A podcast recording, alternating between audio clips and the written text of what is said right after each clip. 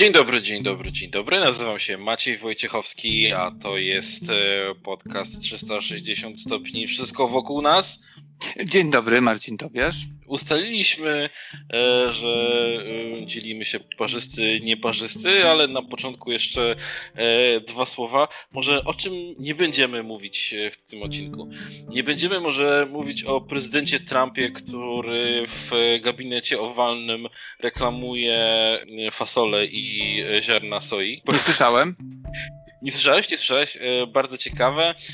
Podczas prezydentury na przykład Baracka Obamy republikanie oburzali się na trzymanie nóg na, e, na biurku e, w taki amerykański sposób, nogi na biurku podczas rozmowy telefonicznej e, i to było właśnie brak szacunku ze strony prezydenta Obamy, jeżeli chodzi o jego szacunek, brak szacunku do urzędu prezydenta. Natomiast urząd prezydenta jak najbardziej nadaje się do reklamowania produktów firmy Goya, czyli różnych nasion soi, i nasion e, fasoli.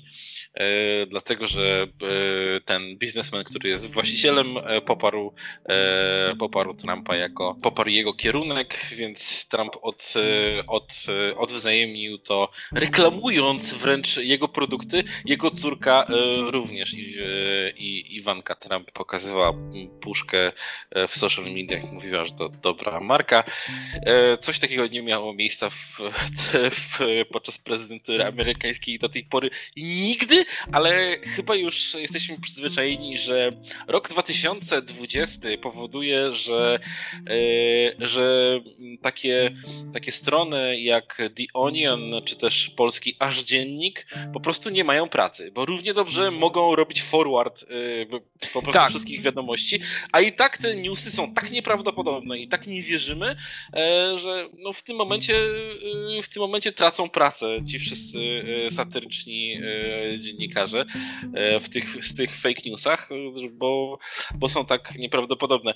Ale to tylko tytułem wstępu. Niech to nie będzie jeden z naszych tematów. E, nie, nie, nie będziemy e... rozmawiać e, o Trumpie również w tym kontekście, że jedna z członkiń jego rodziny wydała niedawno książkę, w której stwierdziła, że jego egzamin SAT został napisany przez kolegę, któremu zapłacił, żeby taki egzamin napisał. To egzamin, egzaminy i wszystkie generalnie, ale też, tak. egzamin SAT o tyle jakby jest istotny dla tych, którzy nie wiedzą, czym taki egzamin jest. Jest to egzamin, który warunkuje późniejsze dostanie się na studia lub też nie. No i o tym też nie będziemy rozmawiać.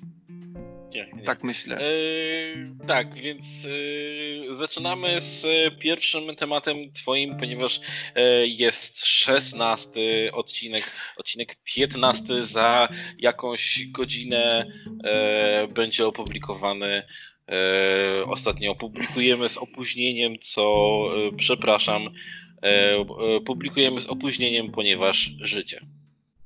I wakacje dla niektórych też. I generalnie jakieś takie zwolnienie tematu. Natomiast mój temat jest właśnie tematem, od którego się odżegnywałem przez długi, długi czas, ale pomyślałem, że po prostu trzeba zamknąć temat wyborów.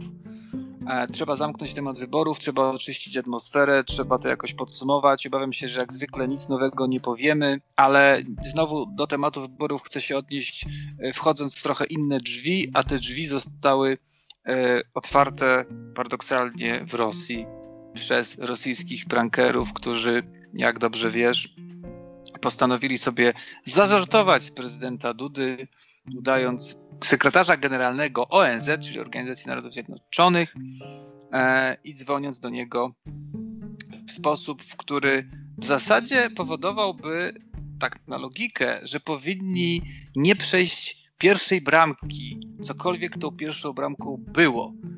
Ale e, nie chcę mówić o treści tej rozmowy, dlatego że treść rozmowy rzeczywiście zgadzam się z, z komentarzami, również sam jej przesłuchawszy, nic tam dziwnego albo inaczej, nic karygodnego nie padło. Nie będę się e, również wyzewnętrzniał, jeżeli chodzi o e, poziom angielskiego e, prezydenta Dudy. E, jego akcent i tak dalej, i tak dalej. Natomiast to, co mnie oczywiście zafascynowało i zainteresowało, to po pierwsze, jak to się stało, że doszło do połączenia? Jak w ogóle wygląda w Polsce system bezpieczeństwa, jeżeli chodzi o połączenia w obrębie polskich władz. To jest fascynujący, słuchaj, temat i o tym tak naprawdę chciałbym tylko powiedzieć dwa zdania, tak naprawdę, bo na logikę każdy rząd, tak, czy system władz, czy ministerstwa, czy e, już nie powiem o służbie, e, służbie e, służbach wywiadowczych, czy w ogóle służbach publicznych w Polsce, wydawałoby się, że oni między sobą porozumiewają się, korzystając z jakiegoś systemu e, urządzeń, a przede wszystkim e, technologii, sieci, która jest bezpieczna, tak? Która jest zabezpieczona, żeby wejść w tą sieć, to e, trzeba mieć oczywiście nie loginy, tokeny, inne systemy uwiarygodniania się.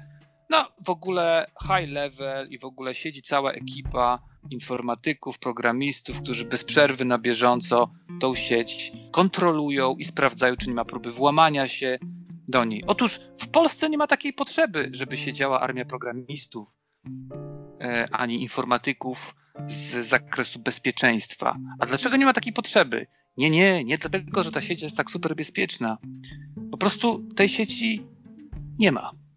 Jakby. I, yy, i w zasadzie jest to trochę zabawne, ale tragiczne jest to, że yy, dane ostatnie mówiące o takiej sieci to są dane sprzed 10 lat. Taka sieć była w Polsce stworzona, nazywała się Katel. Ta sieć obejmowała około 3000 dostępów, 3000 osób mogących z niej korzystać, 400, około 400 laptopów. Ta sieć zresztą powodem, dla którego ona w ogóle w tamtym okresie miała powstawać, był okres polskiej prezydencji w Unii Europejskiej. Czyli siłą rzeczy moment, w którym e, wymiana informacji pomiędzy polskimi e, urzędnikami e, i europejskimi urzędnikami, no, siłą rzeczy przybierała na sile, plus pewno zakres informacji, jakie między sobą mogli wymieniać, był na tyle tajny lub też na tyle istotny, że fajnie by było go w jakikolwiek sposób zabezpieczyć. E, sprawa została zakończona w ten sposób, że rzeczywiście ten system, mimo że nie był perfekcyjny, e, został wdrożony, mm, ale nigdy do końca. Po czym, kiedy przyszła nowa władza, dobra zmiana, to oczywiście ona ten system wykopała, bo chciała stworzyć swój.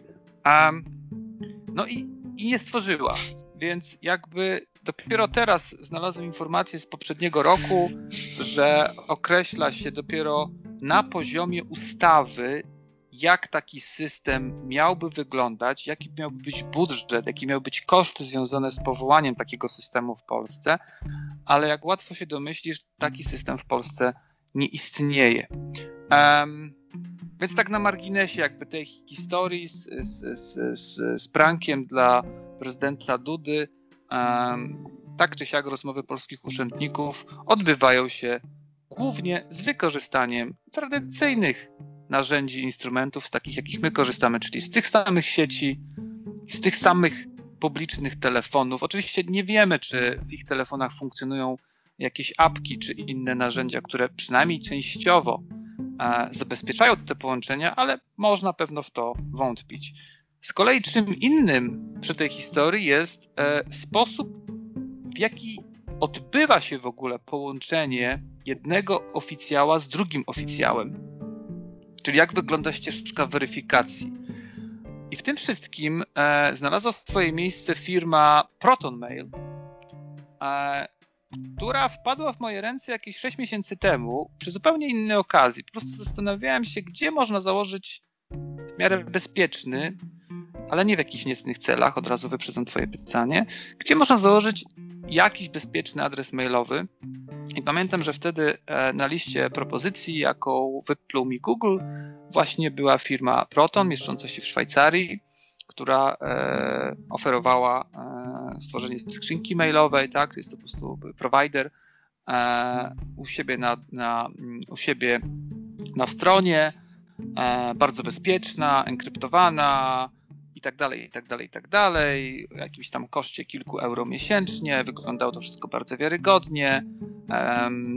I pomyślałem, że okay, fajna oferta dla tych, na którym zależy na jakimś tam bezpieczeństwie, przekazu informacji i, i, i na tym się temat dla mnie zamknął. Teraz okazało się, że oferta ta spotkała się z zainteresowaniem e, pewnych Rosjan, którzy pomyśleli, że można by wykorzystać taką skrzynkę do tego, żeby się połączyć z naszym polskim prezydentem. Ja już pomijam oczywiście, że tak sobie na logikę wyobraziłem, że jeżeli napisałby do mnie ktoś z ONZ-u, czyli United Nations, to podejrzewałbym raczej, że jego domena byłaby un.pewno.org, bo to jest y, organizacja poza tym nie związana z żadnym konkretnym krajem. No i wyobraź sobie, że rzeczywiście, kiedy wygooglujesz, jak wygląda adres mailowy z y, Organizacji Narodów Zjednoczonych, to dokładnie tak wygląda, czyli un.org.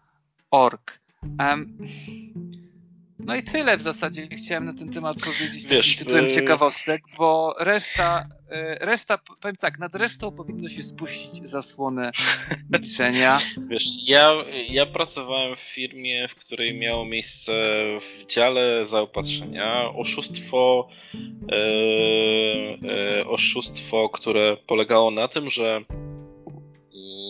że przyszedł mail z tego samego adresu, z którego przychodził zawsze, z, y, z prośbą o zmianę e, numeru konta, na które y, miał iść, miał iść przelew za jakieś surowce. Czyli coś takiego, co u kontrahentów się zdarza i to nie jest problem. Zrobiono to, no i okazało się, że firma o kilkaset tysięcy złotych była biedniejsza, dlatego że te pieniądze poszły w Gdzieś tam. Gdzieś nie wiadomo gdzie, bo ktoś po prostu, komuś się udało gdzieś w locie przejąć maila i podszedł się pod e, kontrahenta. Więc takie rzeczy się dzieją. E, tak jak powiedziałeś, e, Oczywiście to bezpieczeństwo y, cyfrowe, bezpieczeństwo informacyjne rządu powinno być na najwyższym poziomie. E, nie tylko z, z tego powodu, że jesteśmy w XXI wieku e, i mm, tak jak rozmawialiśmy już wielokrotnie, tak teraz wyglądają działania militarne, tak teraz wyglądają działania wywiadowcze. To nie jest ukrywanie mikrofilmu dokumentów w wydrążonym kamieniu. To już są takie rzeczy, rzeczy, czyli to jest, e, e, czyli to wszystko odbywa się w cyberprzestrzeni. E, natomiast ja kilkanaście lat temu rozmawiałem z człowiekiem, który był odpowiedzialny za bezpieczeństwo cyfrowe w Urzędzie Rady Ministrów w Polsce.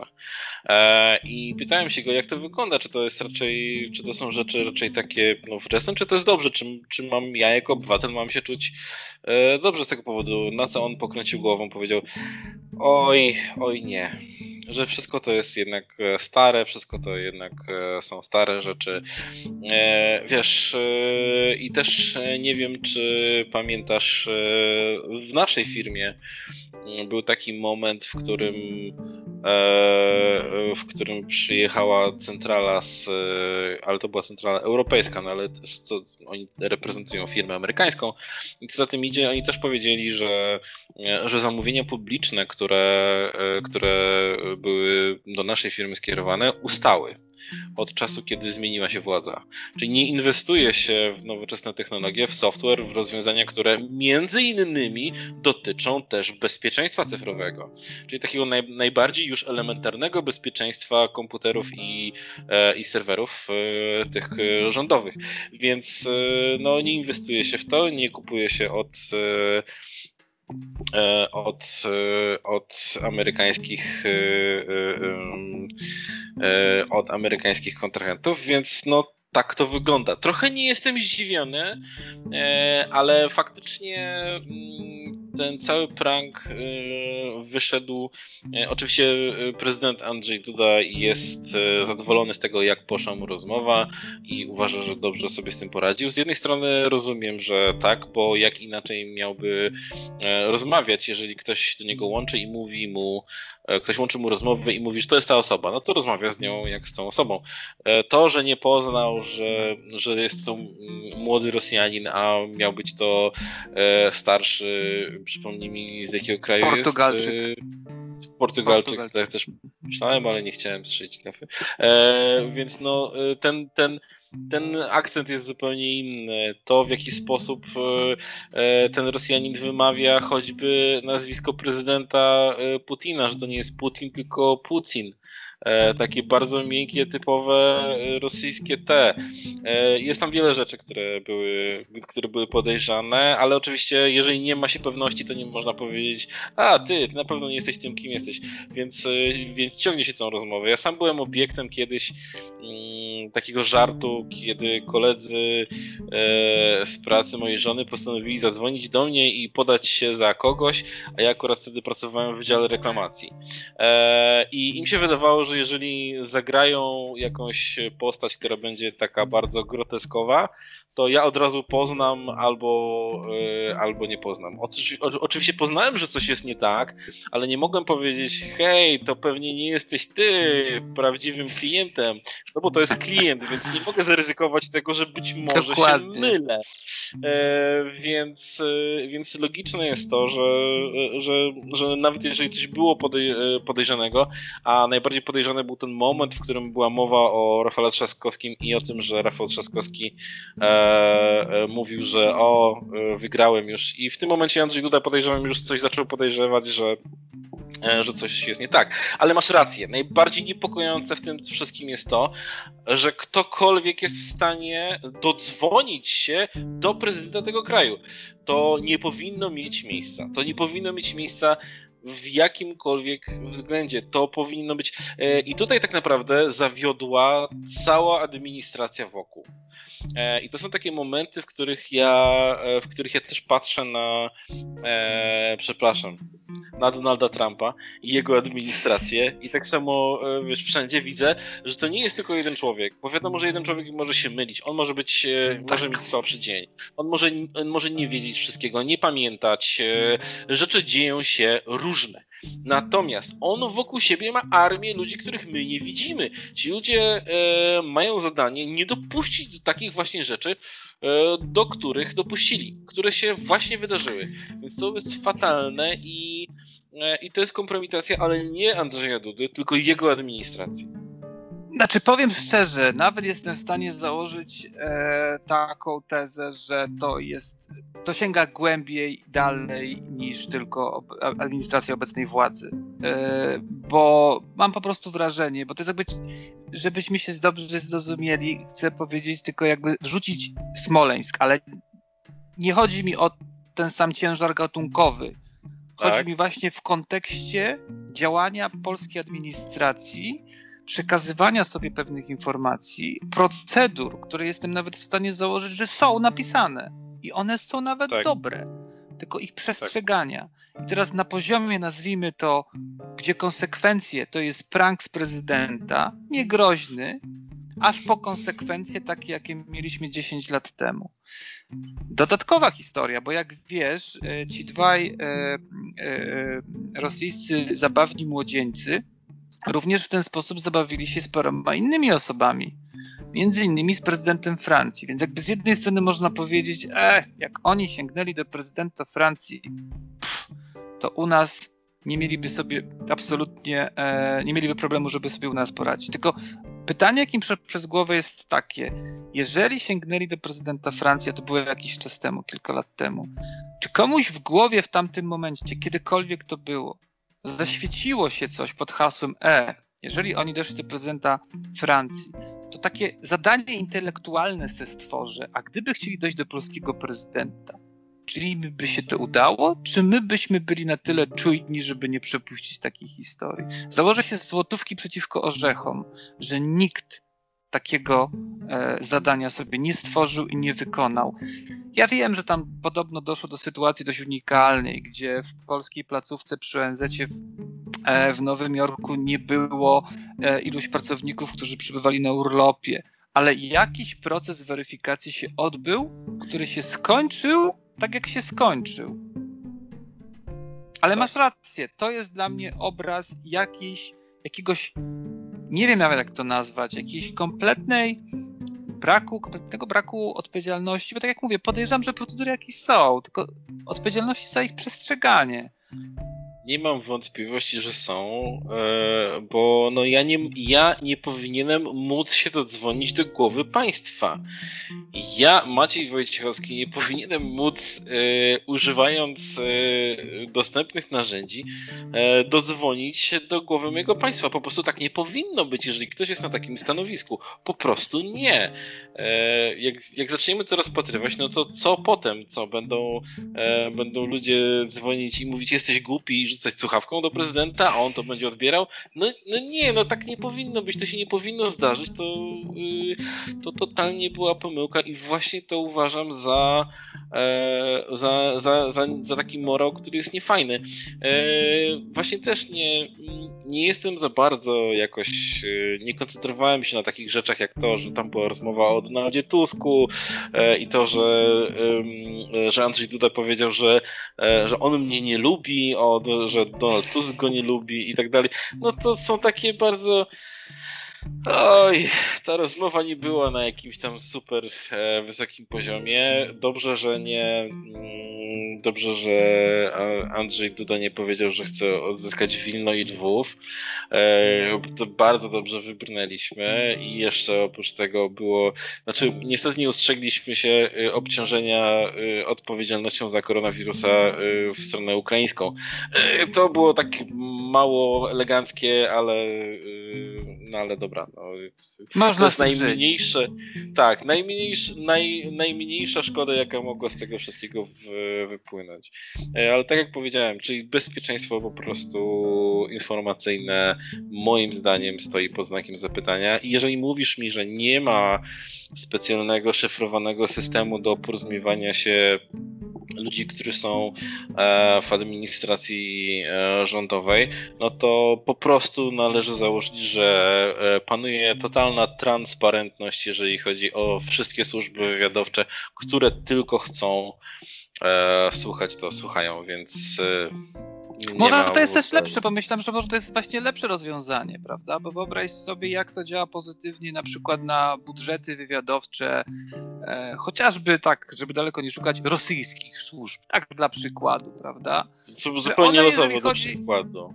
Tak, i na przykład wyobraź sobie, że tam jest ten budżet tak na cały rok, na przykład tam, nie wiem, miał być wpisanych, no nie wiem, no strzelam, no 50 milionów euro, tak, na to, żeby złamać polskie szyfry no i nagle ten tam, prawda, dyrektor finansowy może się wykazać, Jedyne... że oszczędności I, tak, przyniósł do firmy. No. U, nich, u, nich, u nich w budżecie jest tylko kawa po prostu.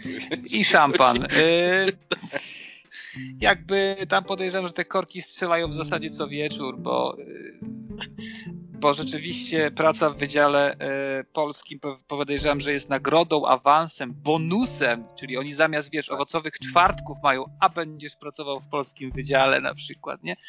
Tak to sobie jakoś dziwnie wyobrażam, więc może to jest w sumie i lepsze, bo z drugiej strony myślę sobie, że tak już zupełnie na poważnie, podejrzewam, że to jest ten rodzaj e, zabezpieczeń, które musiałyby być w trybie w zasadzie ciągłym, a trochę w branży jakby tak. nazwijmy to software'owej lekko pracujemy, więc wyobrażamy sobie jak częste tak, są zmiany, jak częste są upgrade'y, update'y, zwłaszcza w obszarze bezpieczeństwa, w obszarze security. Um, I wyobrażam sobie, że tamten budżet pewno musiałby być naprawdę całkiem spory, żeby mieć przekonanie, bo nigdy pewności, ale przekonanie, że te połączenia, ta wymiana informacji jest w miarę bezpieczna. Wspomniałeś o tym, że mamy XXI wiek i teraz służby generalnie siedzą bardziej w sieci niż drążą kamienie przy y, chodnikach.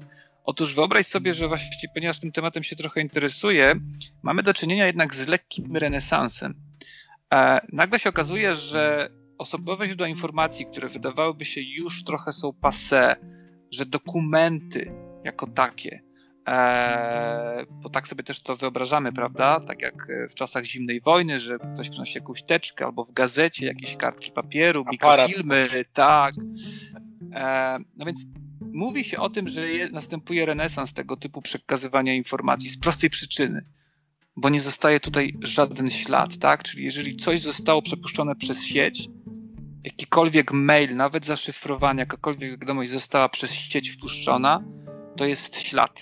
Natomiast jeżeli chodzi o przekazywanie, nazwijmy to w sposób analogowy czy offline'owy informacji i danych, no to jeżeli ktoś cię z tym nie złapie, to tego śladu po prostu może nie być. Więc to też jest ciekawy temat, na ile wrócimy troszeczkę do, do czasów właśnie drążonych kamieni lub przesuwanych cegieł, um, lub innych fajnych wynalazków, które w tamtych czasach były bardzo popularne. E, nawet takie coś jak atrament czy tusz sympatyczny może wrócić do łask, bo nikomu przecież by nie przyszło do głowy, że ktoś w XXI wieku by korzystał z takich metod. Um, ale mimo wszystko czułbym się rzeczywiście bezpieczniej, gdyby połączenia najważniejszych osób w państwie z jednej strony były bezpieczne, a z drugiej strony gdyby procedury, które zakładam, że jednak są, po prostu były przestrzegane.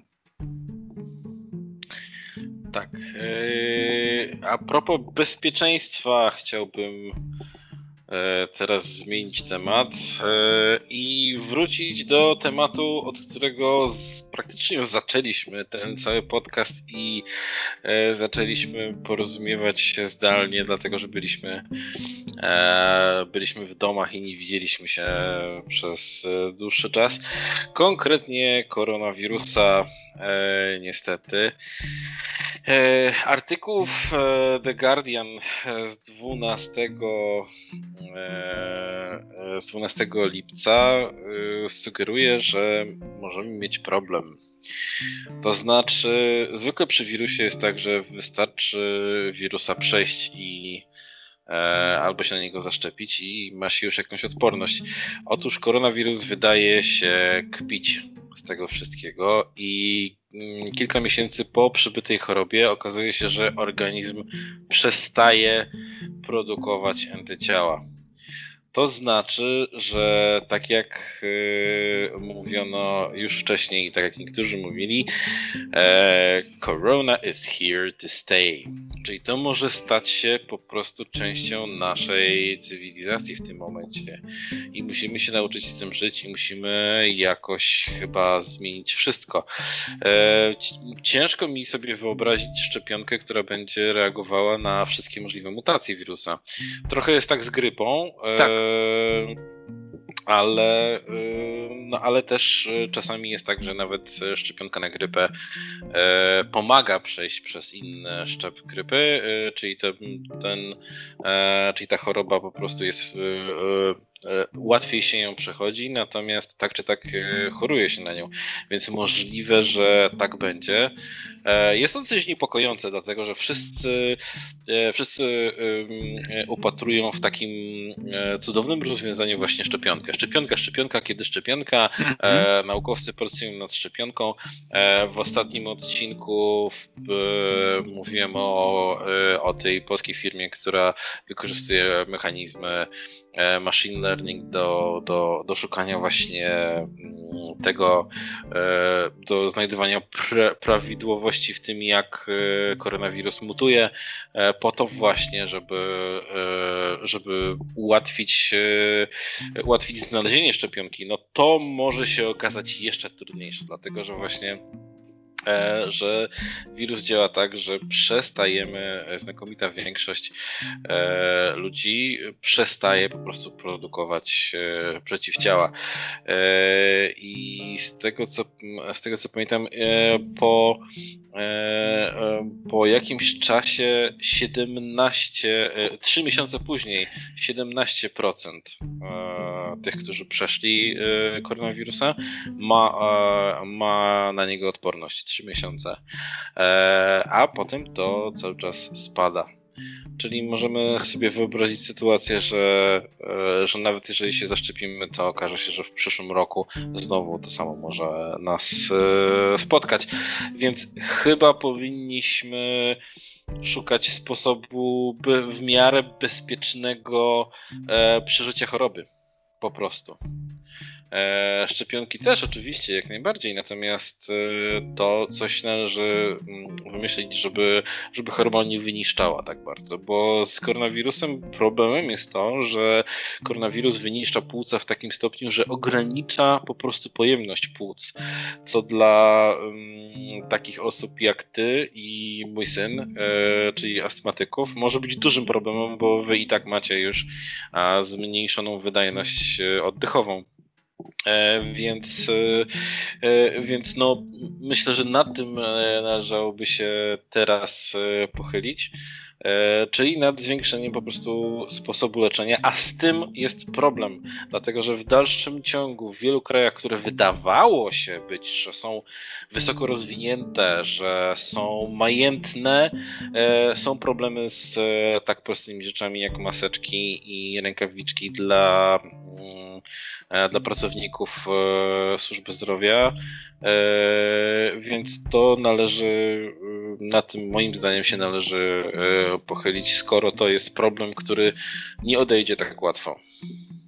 Wiesz, to jedno ze starych powiedzeń mówi, że jak nie możesz czegoś pokonać, to się z tym zaprzyjaźni. E, I mam wrażenie, że, że rzeczywiście koronawirus należy do takich elementów już naszej rzeczywistości. Czytałem chyba ten sam artykuł albo przedruk tego artykułu już w którymś z polskich portali, który rzeczywiście brzmiał dosyć alarmująco, bo po prostu, tak jak powiedziałeś, nie zachowuje się dość. E, znaczy, wirus nie zachowuje się tak, jak zachowują się inne wirusy, czy, czy jakiś, jakiś rodzaj wirusów. Tak. Wiadomo, nie jesteśmy ekspertami, ale ciekawy był komentarz, który tak generalnie mówił o tym, że cała historia z koronawirusem powiedziała nam jeszcze jedno, że medycyna to nie matematyka. E, to jest po pierwsze.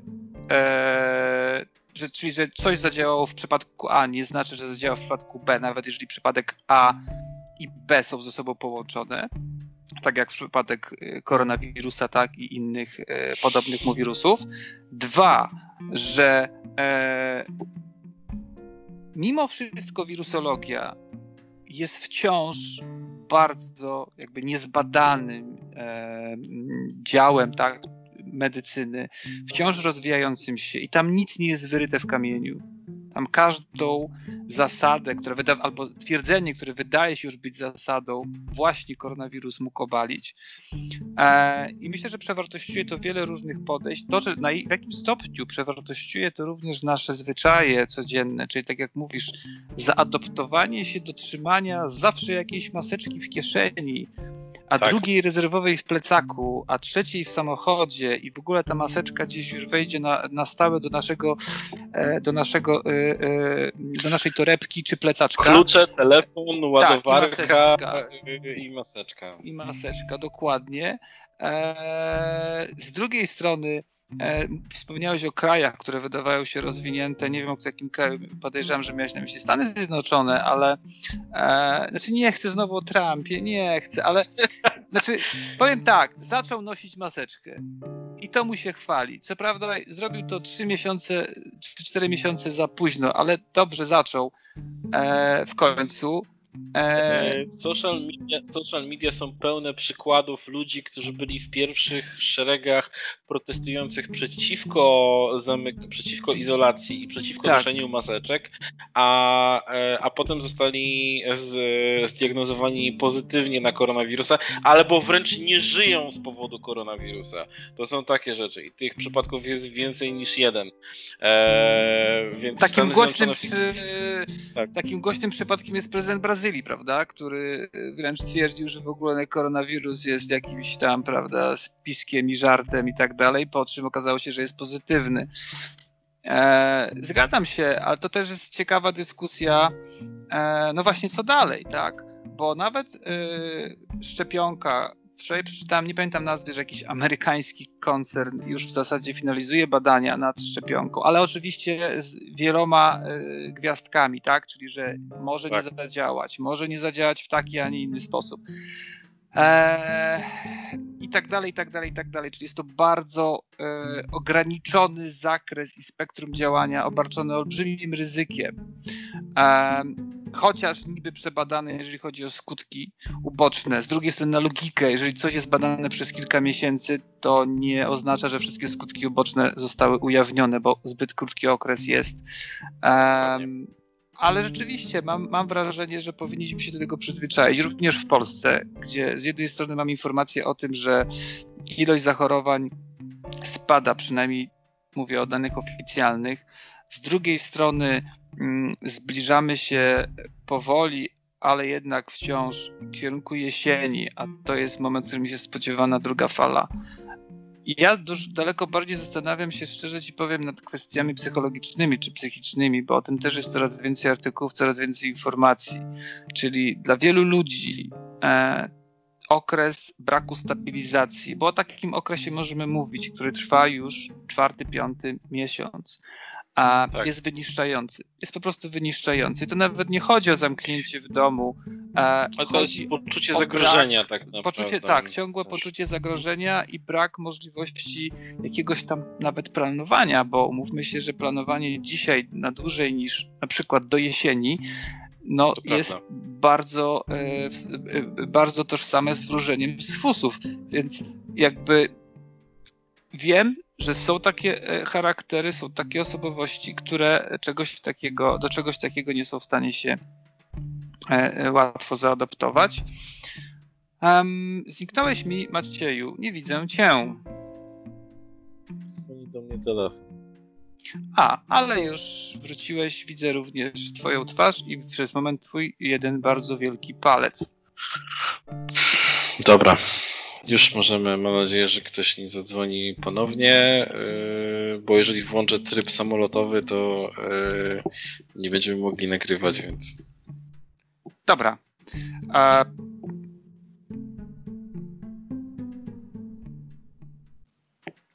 Znaczy ja nie wiem, czy mam kontynuować, czy... Kontynuuję, kontynuuję, ja to, ja to po prostu yy, potnę, no. Tylko, że w zasadzie na tym chciałem skończyć swoją wypowiedź, ponieważ mam wrażenie, że temat tak e, zupełnie na poważnie. Myślę, że temat koronawirusa będzie do nas wracał cyklicznie co jakiś czas. Mm, czyli my również będziemy o tym, e, będziemy o tym e, rozmawiać to, co jest dla mnie dość też charakterystyczne z punktu widzenia odbioru społecznego. Pamiętasz, sam początek był dość dyscyplinowany, również jeżeli chodzi o wiarę w to, co słyszeliśmy. Tak? Czyli tak. wychodził tak.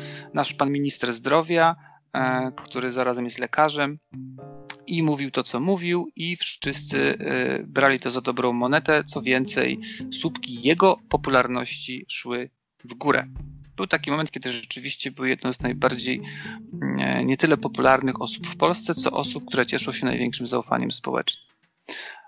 A potem z kolei zaczęła się lekka równia pochyła.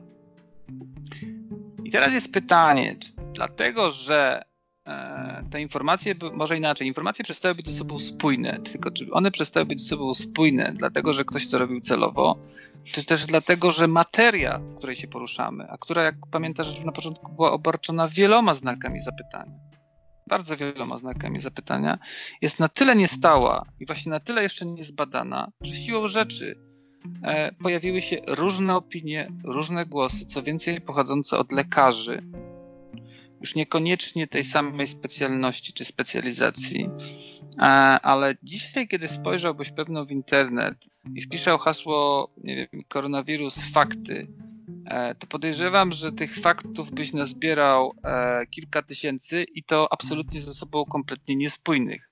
E, więc również z punktu widzenia kogoś, kto chciałby sięgnąć bardzo głęboko i zdobyć naprawdę źródłowe informacje, to gdzie miałby je zdobyć? Organizacja Narodów, znaczy nie Organizacja Narodów Zjednoczonych, tylko Światowa Organizacja Zdrowia, czyli de facto agenda, e, też została e, bardzo mocno skrytykowana.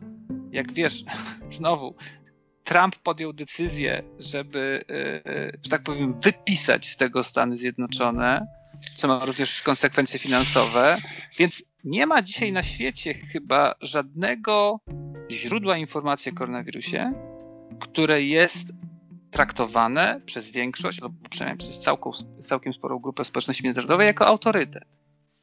I to też jest pewna konsekwencja, która pokazuje chyba ogólny stan a, zaufania do instytucji publicznych, jakie mamy. Tak.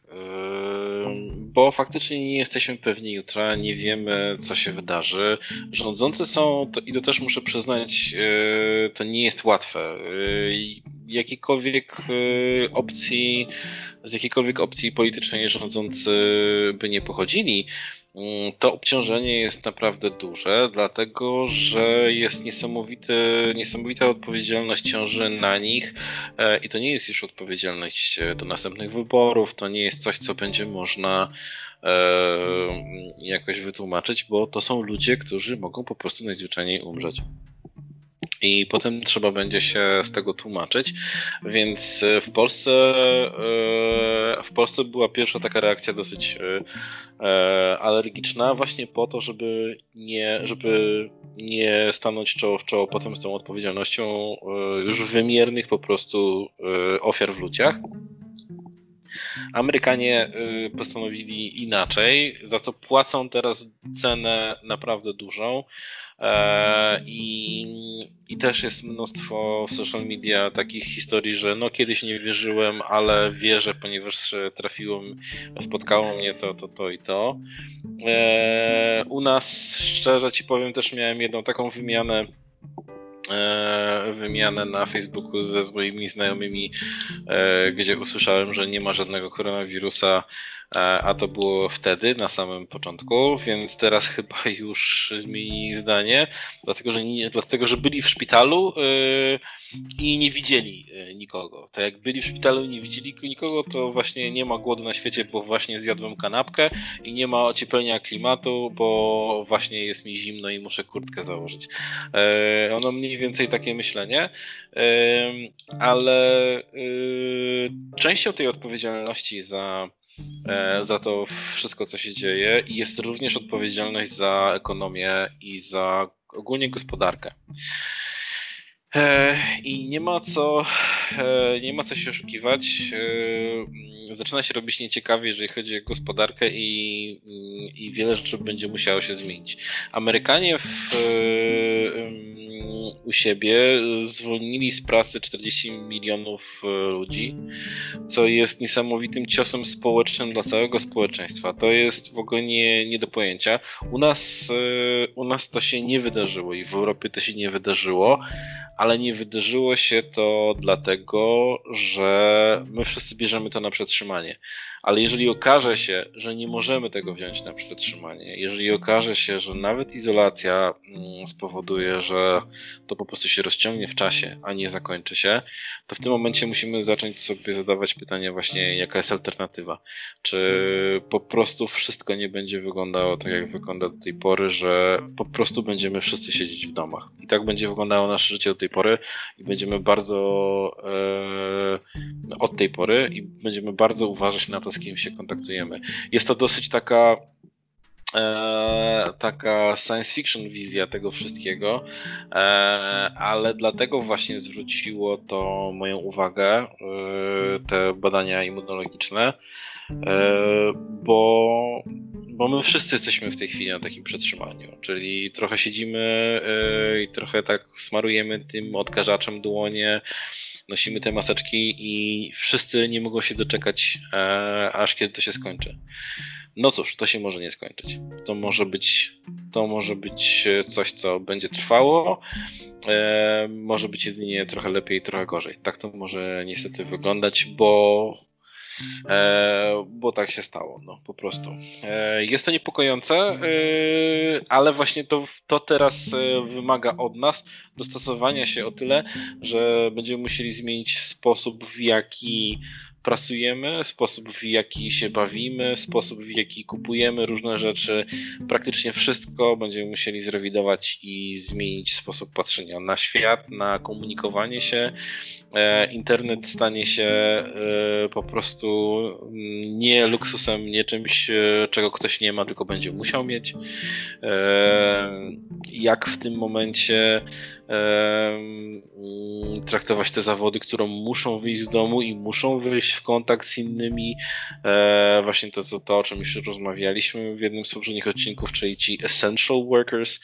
E, no to wszystko. To jest mnóstwo pytań, to jest zero odpowiedzi e, teraz e, i tak naprawdę to wszystko spoczywa na barkach rządzących.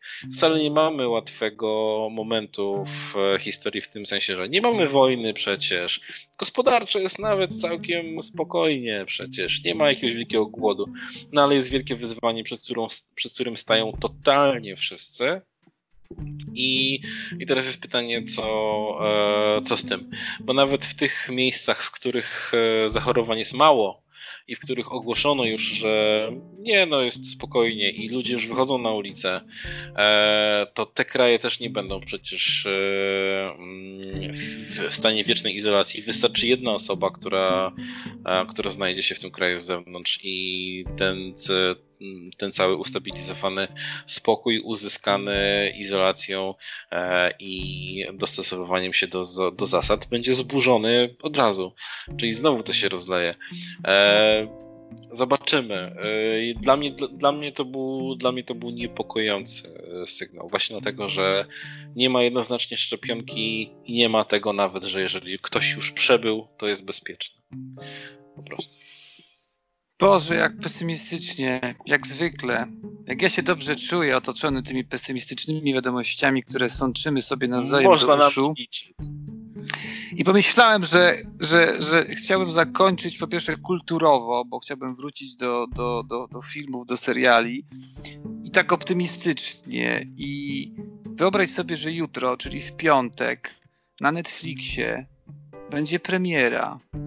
Będzie premiera polskiego filmu o wielkiej postaci, o kimś, kto jest kultowy dla wielu Polaków kto wyznaczał gusta muzyczne i wyznacza od kilkudziesięciu lat. Film był w kinach, ale to było za mało. W kinach osiągnął sukces, ale ten sukces trzeba przenieść na platformę Netflixową. Tytuł tego filmu. Tak, Macieju. Jutro Żenek. na scenę Netflixa wkracza, wkracza, wkracza Żenek. Zenek znaczy się, tak. Żenek. Eee, więc... Ta korona na Z wygląda jak żen. Eee, Słuchaj, ale ja pomyślałem sobie, że to jest świadome. Dlatego, że skoro 365 dni stało się polskim głosem w Ameryce, stało się polskim, to jesteśmy my, do tego jesteśmy zdolni i nie jest to nasze ostatnie słowo, to pomyślałem, że ten Zenek właśnie ma być tym naszym nieostatnim słowem w Ameryce, chyba. Nie jakby. momencie ten Zenek, podejrzewam, wyjaśni wszystko. I eee, w sensie fabularnie, czy... Y, kulturowo, że A, wyobrażam okay. sobie kogoś, kto nie ma zielonego pojęcia na temat tego, e, skąd się to wszystko bierze i ogląda ten 365 dni co to jest? O co chodzi? Dlaczego tak? Dlaczego to jest taki knock-off? Dlaczego to jest taka podróbka 365 dni? Ale dlaczego? Ale po co? I potem obejrzy tego Zenka i powie, ach, no tak, to jest taki kraj, co potrzebuje strasznie tak e, być taki super co potrzebuje naśladować e, e, amerykańskość i taką, takie, taki wielki świat, żeby czuć się lepiej. Tak, dokładnie tak będzie. E, bo tym dla mnie jest w ogóle całe zjawisko disco polo. Jest jednocześnie jednocześnie to jest coś, co sprawia, że ja się czuję dobrze, bo to jest polskie, a jednocześnie to, to tak, to tak e, przypomina nam to Italo Disco, to przypomina nam e, te właśnie te dyskotekowe rytmy i tak dalej. I to jest takie, to jest tak, i to jest takie fajne. Ja kiedyś, e, ponieważ e, doświadczeń na swoim koncie mam mnóstwo, to e, mam również na swoim koncie doświadczenie takie, że byłem DJ-em na weselu. Tak. I I przygotowałem taki, taki dosyć długi set, który był, e, który był dosyć zróżnicowany, wydawało mi się, bo było tam i Bonnie M, e, i była Abba, które wiedziałem, że to poruszy jednocześnie ironicznie nowe pokolenie, a nie ironicznie stare pokolenie, czyli wszyscy się będą dobrze bawić, e, ale też e, jakieś nowsze hity, jakieś, jakąś muzykę klubową i starałem się właśnie to jakoś, e, jakoś tym nim żonglować. Niestety, jak się okazało, e, co chwila podchodził do mnie e, jeden z wujków e, i mówił: Włącz coś po polsku do tańczenia. No więc miałem w swojej, e, na swojej playliście e, piosenki po polsku do tańczenia. Była Kaja, e, były inne rzeczy, które są takim, są muzyką taneczną, są, są przebojowe, są właśnie w, w stacjach radiowych puszczane, więc to są, to są piosenki, które zna każdy. Jak okazało się po, przy czwartej już wizycie tego wujka przy moim stanowisku, wujek już musiał przyjść z kimś innym, żeby mi wytłumaczyć, co to znaczy muzyka po polsku do tańczenia. I już wiedziałem, co to jest. Niestety nie miałem nic, nic przy sobie. Być na weselu, nie mieć nic przy sobie takiego. E, sprawę, po, e, po, sprawę uratował kolega e, pana młodego z pendrive'em wypełnionym disco polo po brzegi. Taka jest rzeczywistość i taki jest, taka jest norma. W wszystkich, wszystkimi, ze wszystkimi Polakami, z którymi porozmawiasz, e, mówią, nie, nie, disco polo nie lubię. No ale tak pod wódeczkę na weselu to e, tak, i tak to wygląda. E, i, I to jest standard i, i to wiele, wiele, wiele o nas mówi. Powiem ci, o, powiem o ci. E, najśmieszniejsze jest to, że ja wcale o tym filmie nie chciałem rozmawiać, ani tym bardziej o disco polo. Ja chciałem tylko tak pozytywnie zagaić, żeby zaraz przejść do czegoś negatywnego.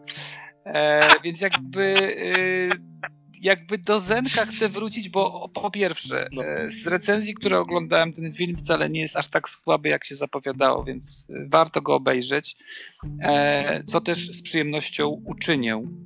Natomiast chciałbym tak naprawdę powiedzieć Ci o zupełnie innym filmie i innym zjawisku. Chciałem powiedzieć o australijskim miniserialu Stateless, bezpaństwowcy, tak można to pewno przetłumaczyć, w którym jedną z głównych ról gra e, Iwon Strachowski, ponieważ tak się e, nazywa e, Australika polskiego pochodzenia. E, oboje rodzice są Polakami, ona, jak wiesz, mówi po polsku e, bardzo dobrze. A dlaczego ona jest tutaj istotna w tym serialu? Myślę, że z dwóch powodów. Po pierwsze, dlatego, że jest naprawdę niezłą aktorką, a po drugie, zdobyła międzynarodową, publicz- y, międzynarodową popularność poprzez swój udział e, w serialu e, Opowieść podręcznej. E, czyli jednym z najważniejszych seriali 2018 2019. I podejrzewam, że to też miał być jakiś magnes do tego, żeby przyciągnąć widzów. O czym mówi serial? Serial jest oparty na faktach.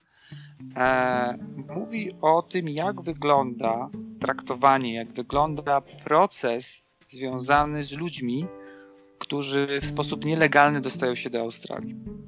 Jak wiesz, ten problem Australia ma od wielu, wielu lat, że ludzie na łodziach e, niemalże wpław do tego e, lądu wolności, dobrobytu chcą się dostać.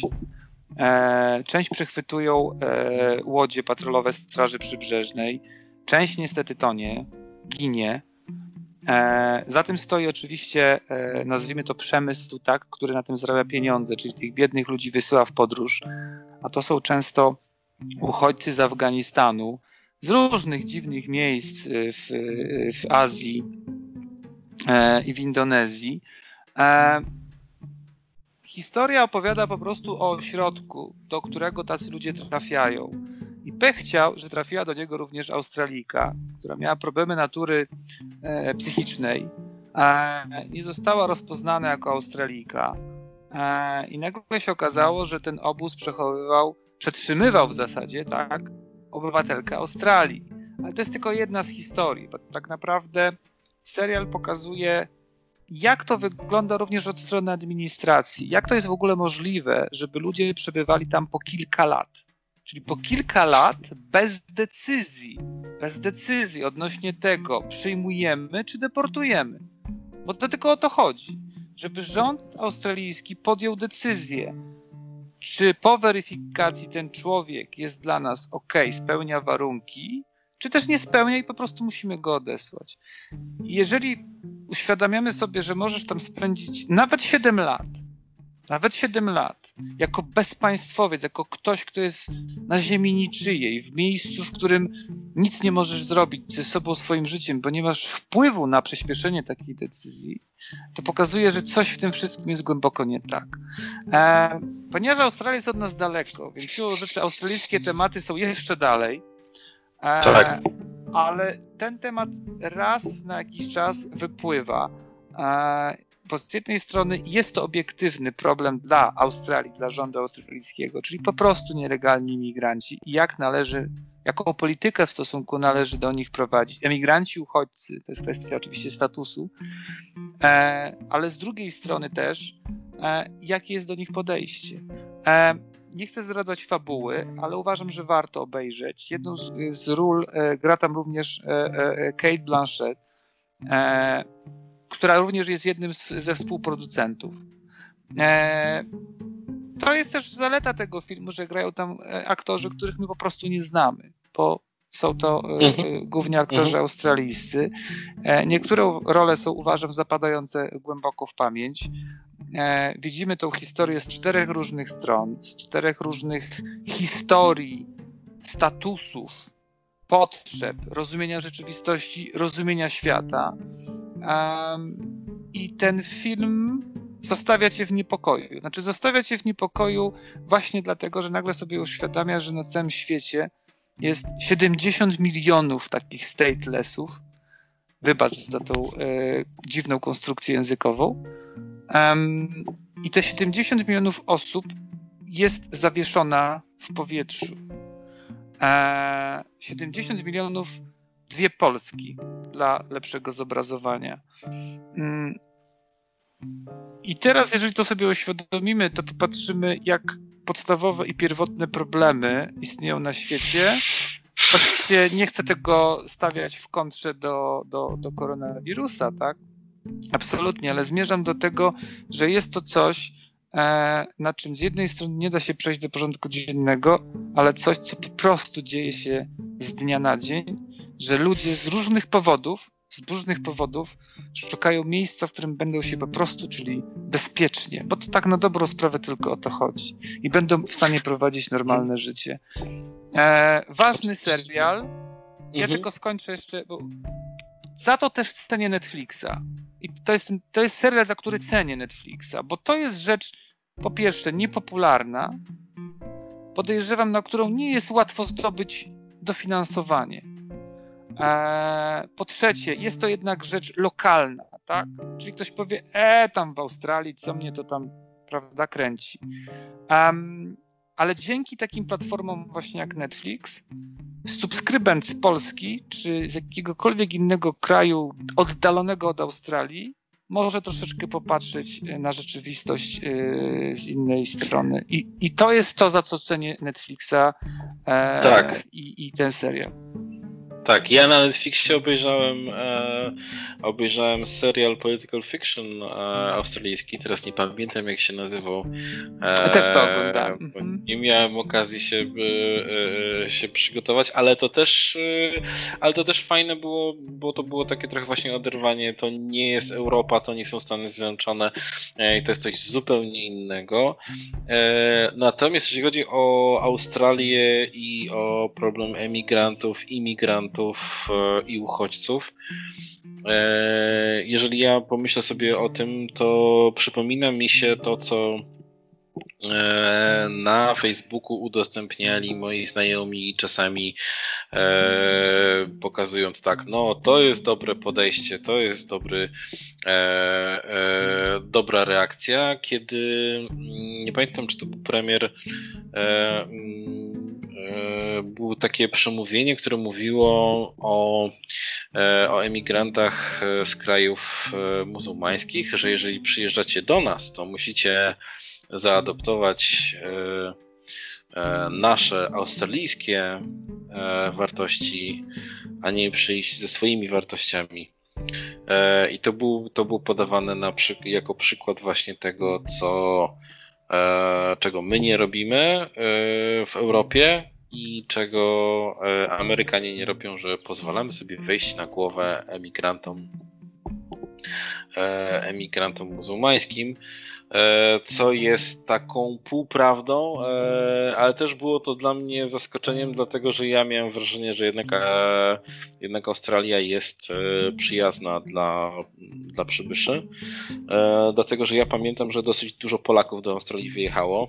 To byli ludzie przede wszystkim z pokolenia moich rodziców i moi, e, i, i, i moi rodzice mieli e, sporo znajomych, którzy wylądowali w Australii e, właśnie w tych czasach, dlatego że Australia bardzo chętnie takich emigrantów przyjmowała.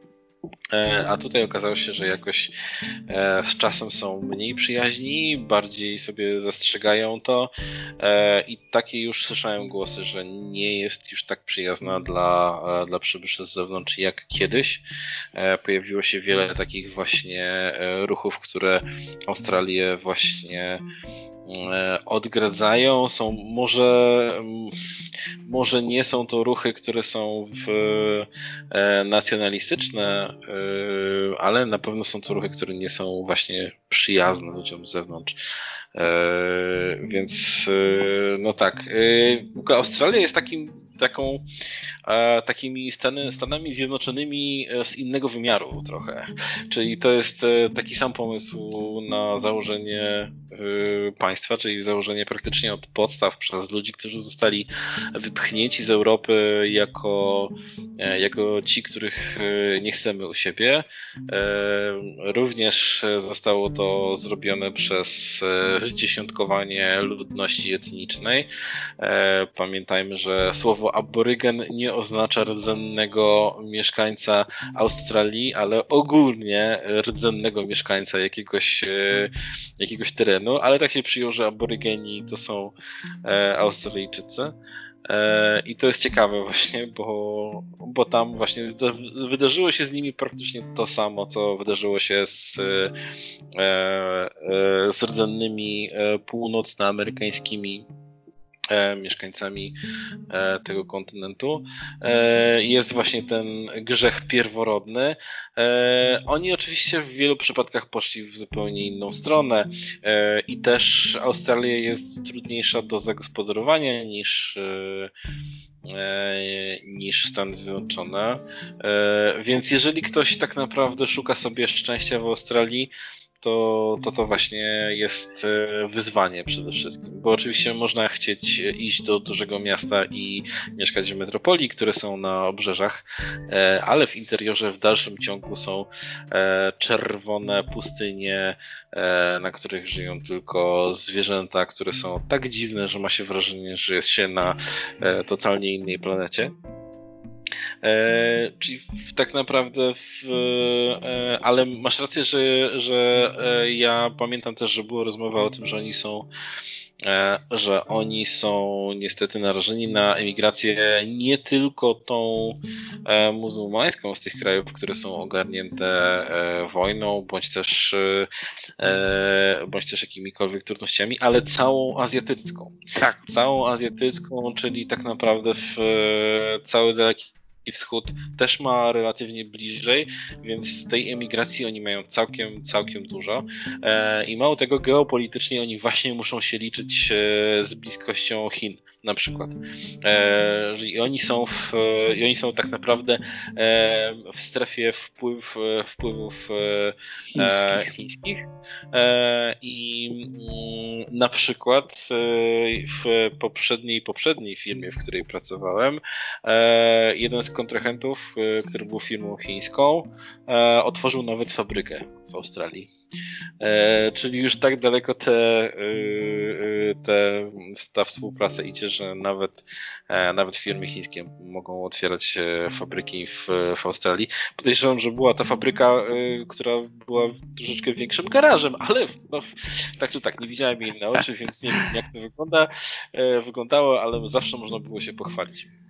Więc, to jest, e, to, to, znaczy masz absolutną rację, bo to z kolei w jakichś tam wiadomościach ekonomicznych też gdzieś czytałem, że rzeczywiście ekspansja Chin e, w Australii jest bardzo mocna, nie tylko poprzez oficjalne inwestycje, ale również właśnie poprzez e, emigrantów, czyli jakby od, odpowiednie, czy znaczy w zasadzie kopie amerykańskich dzielnic Chinatown są odtworzone w Canberrze, w Sydney, w Perth e, i, i, zawsze znajdziesz e, tego typu miejsca. Wspomniałeś o emigracji polskiej. Rzeczywiście lata 80. to, to jest tak zwana emigracja solidarnościowa, e, czyli po E, stanie wojennym do, do Australii. Tych Polaków całkiem dużo się tam znalazło.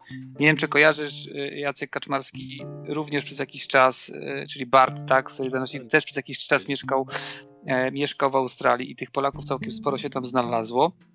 Ale to był rzeczywiście inny czas.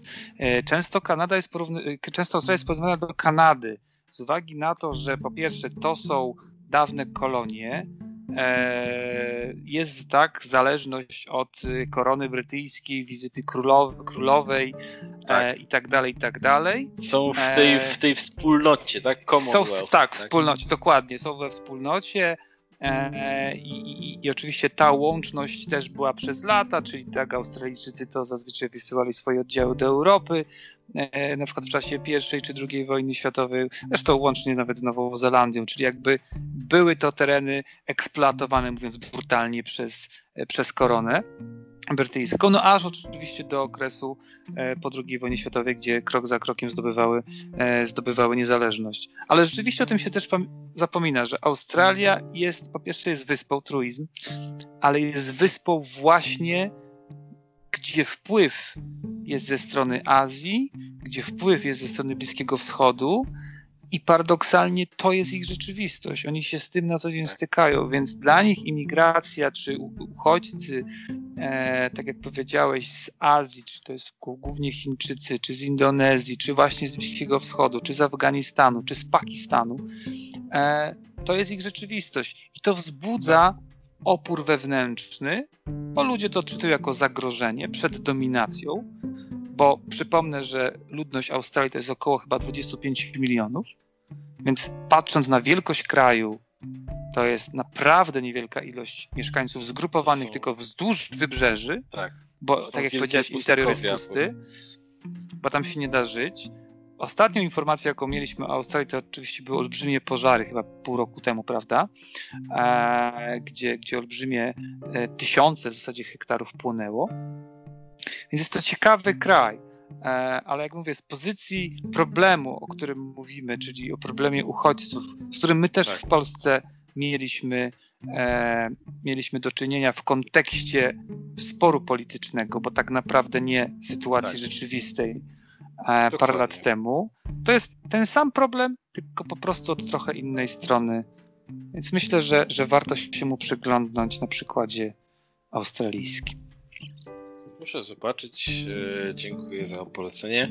A jako ostatni temat chciałbym wspomnieć o człowieku, którego, e, którego e, kojarzymy z, na pewno z, z twarzy. E, a którego nie kojarzymy z nazwiska, ale już nie będziemy, nie zobaczymy nic nowego, ponieważ e, umarł, umarł 13 lipca 2020 w wieku 49 lat. To Grant Imahara, który jest znany wszystkim, przede wszystkim z pogromców mitów, z tego serialu, w którym e, za pomocą różnego rodzaju eksperymentów sprawdzano prawdziwość niektórych powszechnych e, przekonań i historii. E, Grant był przede wszystkim inżynierem mechanikiem i to on był konstruktorem wielu maszyn, wielu konstrukcji, które, które wykorzystywały, które sprawdzały prawdziwość tych wszystkich e, mitów. Natomiast e, skąd się wziął w tym programie? Stąd, że E, Jamie Heineman i Adam Savage znali go wcześniej e, z pracy e, w, przy, przy filmach hollywoodzkich, przy efektach specjalnych. I to jest ta stara gwardia specjalistów od efektów specjalnych, kiedy jeszcze filmowcom się chciało, kiedy nie wrzucano wszystkiego na green screen, wrzucano i robiono wszystkiego w grafice komputerowej i tylko aktor wchodził do pustego zielonego pokoju i tylko odgrywał, e, kiedy naprawdę budowano konstrukcje, kiedy naprawdę budowano e, broń, latające samochody, które, które nie były właśnie tylko prostopadłościanami z, z pianki zielonej, a potem komputerowo nakłada się na to jakąś teksturę. Nie, to wszystko kiedyś robiono, to wszystko budowano. Grant pracował przede wszystkim w firmie George'a Lucasa Industrial Light and Magic i co za tym idzie, pracował przy wszystkich prequelach tak zwanych Gwiezdnych Wojen, przy, przy trzech filmach. On stał się światowym światowym ekspertem od R2D2 i on był tym, który zmodernizował R2D2 tak, żeby lepiej działał. A filmem, przy którym również pracował, który ja wspominam bardzo dobrze, jest nowoczesna, nowoczesna wersja Pinokia, czyli AI, sztuczna inteligencja Stevena Spielberga.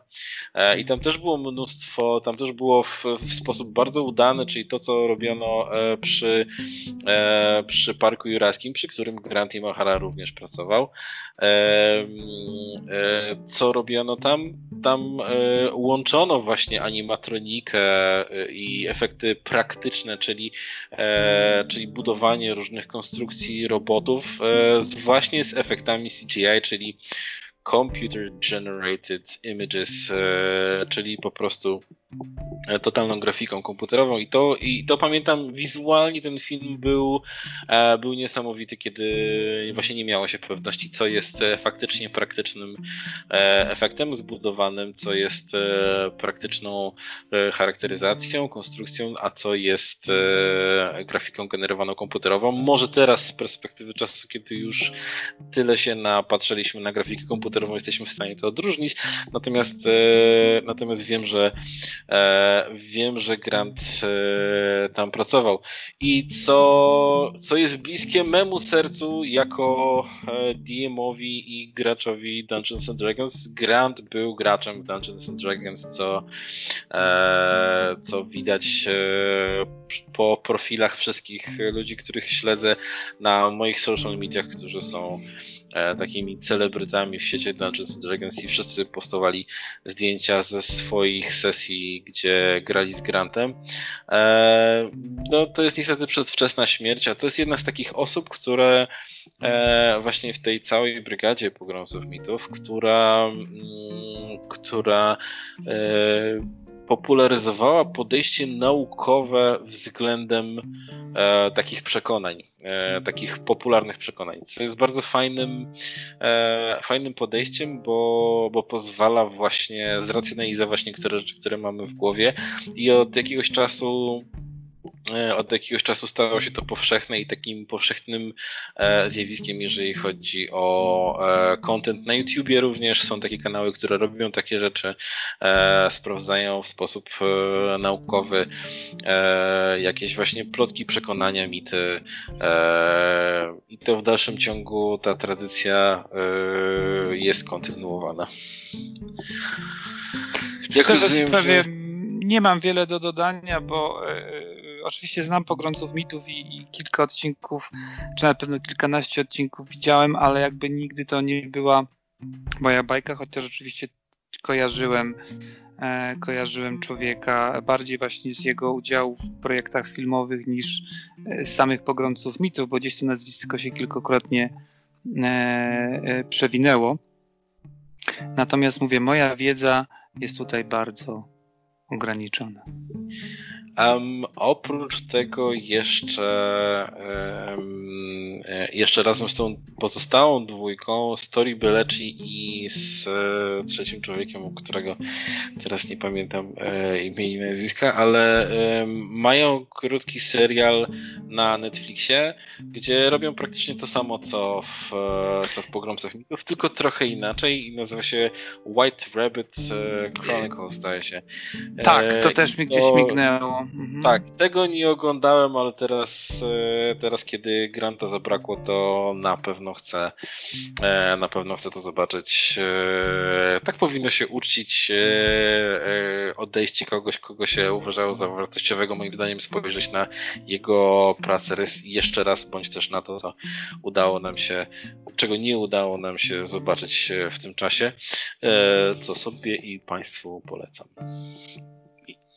Chciałem powiedzieć tym optymistycznym akcentem, bo w sumie jest to optymistyczny akcent w kolejnym pesymistycznym odcinku.